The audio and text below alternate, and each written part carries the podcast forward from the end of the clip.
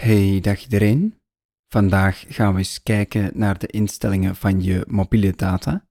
Dat lijkt misschien een beetje saai of overbodig, want ja, waarom zou je er naar kijken? Maar er zitten toch heel veel interessante functies in. Dus ik heb mijn iPhone erbij genomen en ik open de instellingen-app. En dan ga ik naar het item mobiele data. Instellingen. Koptekst. Mobiel netwerk. Knop. Ja, mobiel netwerk, zo heet die. Daar klik ik op. Mobiele data. Aan. Hier kan je jouw mobiele data volledig uitzetten. Je kan dat natuurlijk ook door het knopje in jouw controlescherm in te drukken. Hè? Of door gewoon helemaal de vliegtuigmodus in te schakelen. Opties mobiele data. Roaming aan. Knop. Dat is een knop, dus daar kun je op klikken. Data roaming. Data roaming, dat is eigenlijk als je in het buitenland zit. Dus stel ik ga naar Nederland, dan kan ik daar ook nog gewoon 4G gebruiken op een ander netwerk. In Europa is het volgens mij zo dat je ook in het buitenland jouw data mag gebruiken, zolang het niet overdreven is, dacht ik. Maar stel je gaat buiten Europa, dan kan je best deze optie thuis al uitzetten, want anders dan ga je misschien heel veel kosten krijgen. Gesprekken en data. 4G. Knop. Dat is ook een knop, dus die kan je ook aanpassen. Hier zou je kunnen kiezen voor 3G of voor 5G. 5G, daar heb je wel een gsm voor nodig die dat ondersteunt en ook jouw provider moet het ondersteunen. Maar voor mij is 4G de hoogst mogelijke optie. Databesparingsmodus. Uit.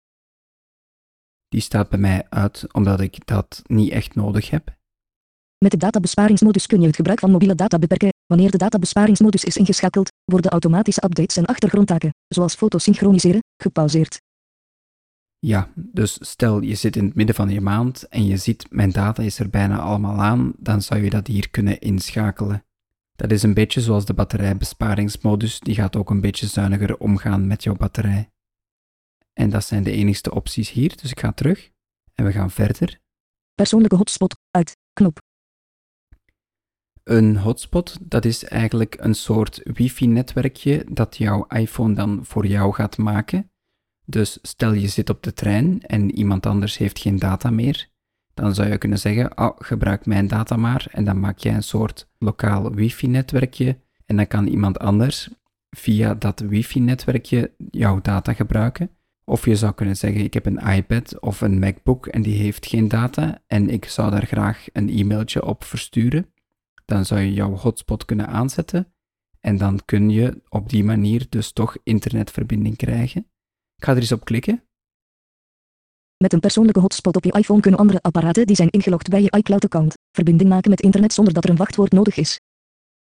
Ja, dus als je op hetzelfde iCloud-account werkt, dan heb je zelfs geen wachtwoord nodig. Anderen mogen verbinden. Uit. En hier kan je bepalen of andere mensen ook op dat wifi-netwerk mogen daar kan je natuurlijk wel een wachtwoord op zetten. Hè? Dus niet iedereen in de trein die gaat jouw wifi-netwerkje zomaar mogen gebruiken. Wachtwoord wifi, knop. En hier stel je dan het wachtwoord in en dat geef je dan door aan de persoon die op jouw wifi-netwerkje mag.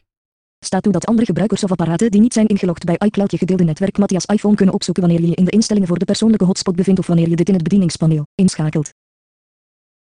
Dus als je jouw hotspot wil delen met iemand, dan kan die enkel dat wifi-netwerk vinden als jij in jouw iPhone in de instellingen bij deze hotspot zit. Dus je geeft die persoon het wachtwoord en je houdt jouw instellingen open en alleen dan is het wifi-netwerk zichtbaar voor anderen. En als die persoon eenmaal op dat netwerk zit, dan kan je gewoon de instelling hier terugsluiten natuurlijk. Delen met gezin. Knop. Delen met gezin. Ik ga er eens op klikken. Delen met gezin. Aan. Dat staat bij mij aan. Mailen. Automatisch. Knop. En dat staat nu op automatisch voor mijn vrouw. Als ik daarop tik. Vraag om toestemming. Dan kan ik dat veranderen naar vraag om toestemming. Ik ga dat eens doen. Geselecteerd. Vraag om toestemming. Dus de volgende keer dat mijn vrouw mijn data wil gebruiken, krijg ik eerst een melding en dan kan ik het toestaan. En dan weet ik dus, oké, zij zit nu op mijn netwerk, ik ga moeten oppassen voor mijn data van de maand of zo. Dus dat vind ik wel handig, dat er niet per ongeluk gebeurt. Dus die heeft eigenlijk ook geen wachtwoord nodig als zij verbinding wil maken met mijn hotspot. Persoonlijke hotspot. Terugknop. Gaan terug. Maximaliseer compatibiliteit. Uit.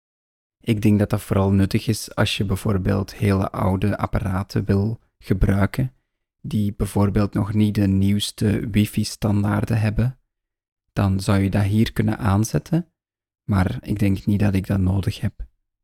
De internetprestaties zijn mogelijk minder bij apparaten die zijn verbonden met je hotspot wanneer deze is ingeschakeld. Ja, dan gaat hij waarschijnlijk naar een oudere standaard van wifi. Dus niet de wifi AC, maar bijvoorbeeld N of wat is het allemaal. Oké, en dat was alles voor de hotspot. We gaan even terug. Base. Koptekst. Base, dat is mijn provider. Nu gaan we eens kijken. Netwerkselectie. Wifi calling. Knop. De wifi calling, dat is een optie en dat is niet bij elke provider beschikbaar. Maar wat het doet is als jouw gsm-signaal zwak is, dan gaat hij bellen over de wifi. En mijn gsm-bereik hier is sowieso al heel zwak, zowel buiten als binnen. Maar binnen is het eigenlijk nog erger in mijn appartement hier. Dus ik heb dat aangezet. En op zich werkt het goed, maar het is wel vervelend, want elke keer als ik een oproep binnenkrijg en hij moet omschakelen van gsm naar wifi, dan duurt het toch enkele seconden dat je elkaar niet kan horen. Oké, we gaan even verder. Bellen via wifi aan. Knop. Dus als ik dat niet zou willen, dan zet ik die hier uit. Bel via andere apparaten. Indien dichtbij. Knop. En dat heb ik ook aanstaan, dus dat vind ik wel handig. Als er bijvoorbeeld een oproep binnenkomt en ik zit op mijn MacBook, dan kan ik gewoon het gesprek aannemen met mijn koptelefoon op, op mijn MacBook. En omgekeerd ook, stel ik ben aan het werken op mijn MacBook en onderin een e-mailtje zie ik een telefoonnummer, dan kan ik daar gewoon op klikken en zeggen bellen en dan kan ik gewoon bellen vanaf mijn MacBook. Mobiele datanetwerk. Knop. Daar ga ik eens op klikken. Mobiele data. Koptekst. APN, GPRS, BS, B, tekstveld. Dit zijn echte hele technische details en ik zou dat hier niet aanpassen als je geen problemen hebt. Maar als je echt problemen hebt, dan zou je wel eens even kunnen googlen wat de correcte instellingen moeten zijn voor jouw provider. Ja, ik ga er niet helemaal doorlopen, maar ik weet bijvoorbeeld wel als je in het buitenland zit en je komt daar soms op netwerken die niet echt eh, goed werken, dat je dan bijvoorbeeld hier ergens iets in de instellingen moet veranderen. Maar ik zou zeggen, als je zover bent, dan moet je echt wel eens googlen. Ik ga even terug. Mobiele datanetwerk. Knop. SIM-pincode. Knop. De pincode van je SIM. Voeg mobiel abonnement toe. Knop. Voeg een mobiel abonnement toe. Dat zijn de eSIM. En in België zijn die nu ook beschikbaar. Maar dat is bijvoorbeeld ook handig als je naar het buitenland gaat. Stel je gaat naar Amerika, dan kan je gewoon online een eSIM kopen. Je kan die thuis al instellen en op het moment dat je landt, dan heb je onmiddellijk daar jouw lokale SIM, dat natuurlijk veel goedkoper is. Hè? Ik ga er eens op klikken. Geselecteerd. Voeg mobiel abonnement toe. Plaats de QR-code van je aanbieder in het kader. Stel dat je een eSIM van je werk zou kunnen krijgen, dan kan je gewoon twee SIM-kaarten op je iPhone gebruiken naast elkaar. En dat is natuurlijk wel handig dat je geen twee gsm's in je broekzak moet hebben zitten. Hè? En je kan dat doen door de QR-code te scannen of je kan het handmatig ingeven. Maar ik ga dat niet doen, want ik heb geen QR-code, dus ik ga even terug. Instellingen. Terugvoeg mobiel abonnement toe. En we gaan wat verder.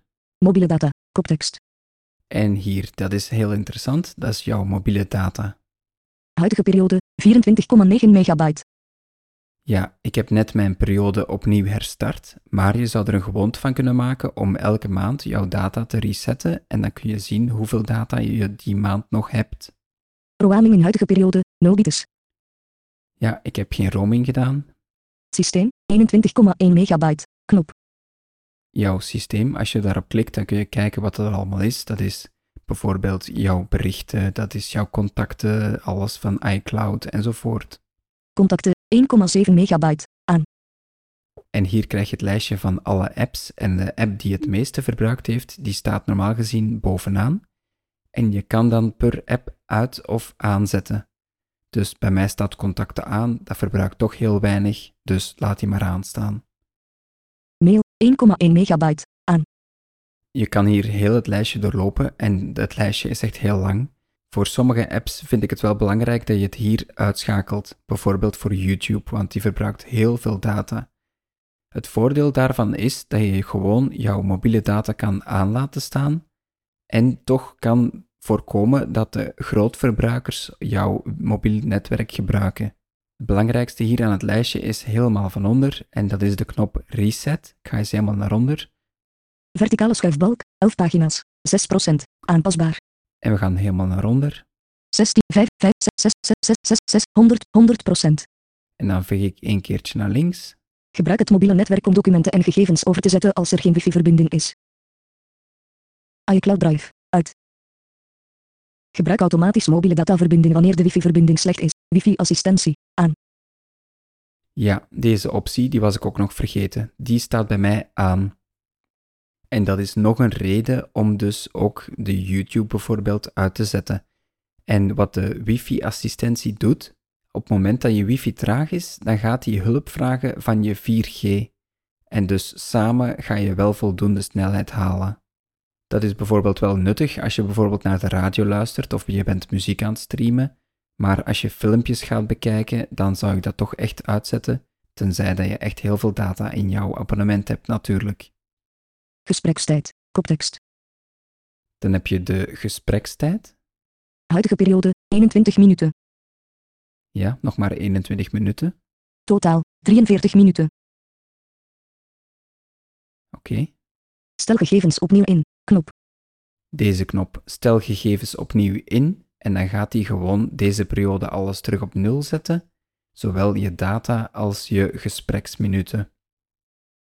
Stel dat er een limiet is op jouw belminuten, dan kan je hier kijken hoeveel belminuten je deze periode gebruikt hebt. Dat is ook wel handig natuurlijk. En mijn totaal dat staat maar op 40 minuten en dat komt omdat mijn iPhone net volledig gereset is, dus daarmee. En dat was het eigenlijk een beetje wat ik allemaal vandaag aan jullie wil laten zien. Dus jouw dataverbruik dat je per appje kan instellen, jouw belminuten dat je kan controleren, jouw wifi-assistentie voor als je wifi niet zo snel is, en het bellen over wifi voor als je ontvangst van je gsm niet zo sterk is. Dus hier ga ik het bij houden voor vandaag. Bedankt voor het luisteren tot het einde en zoals altijd tot de volgende keer. Dag.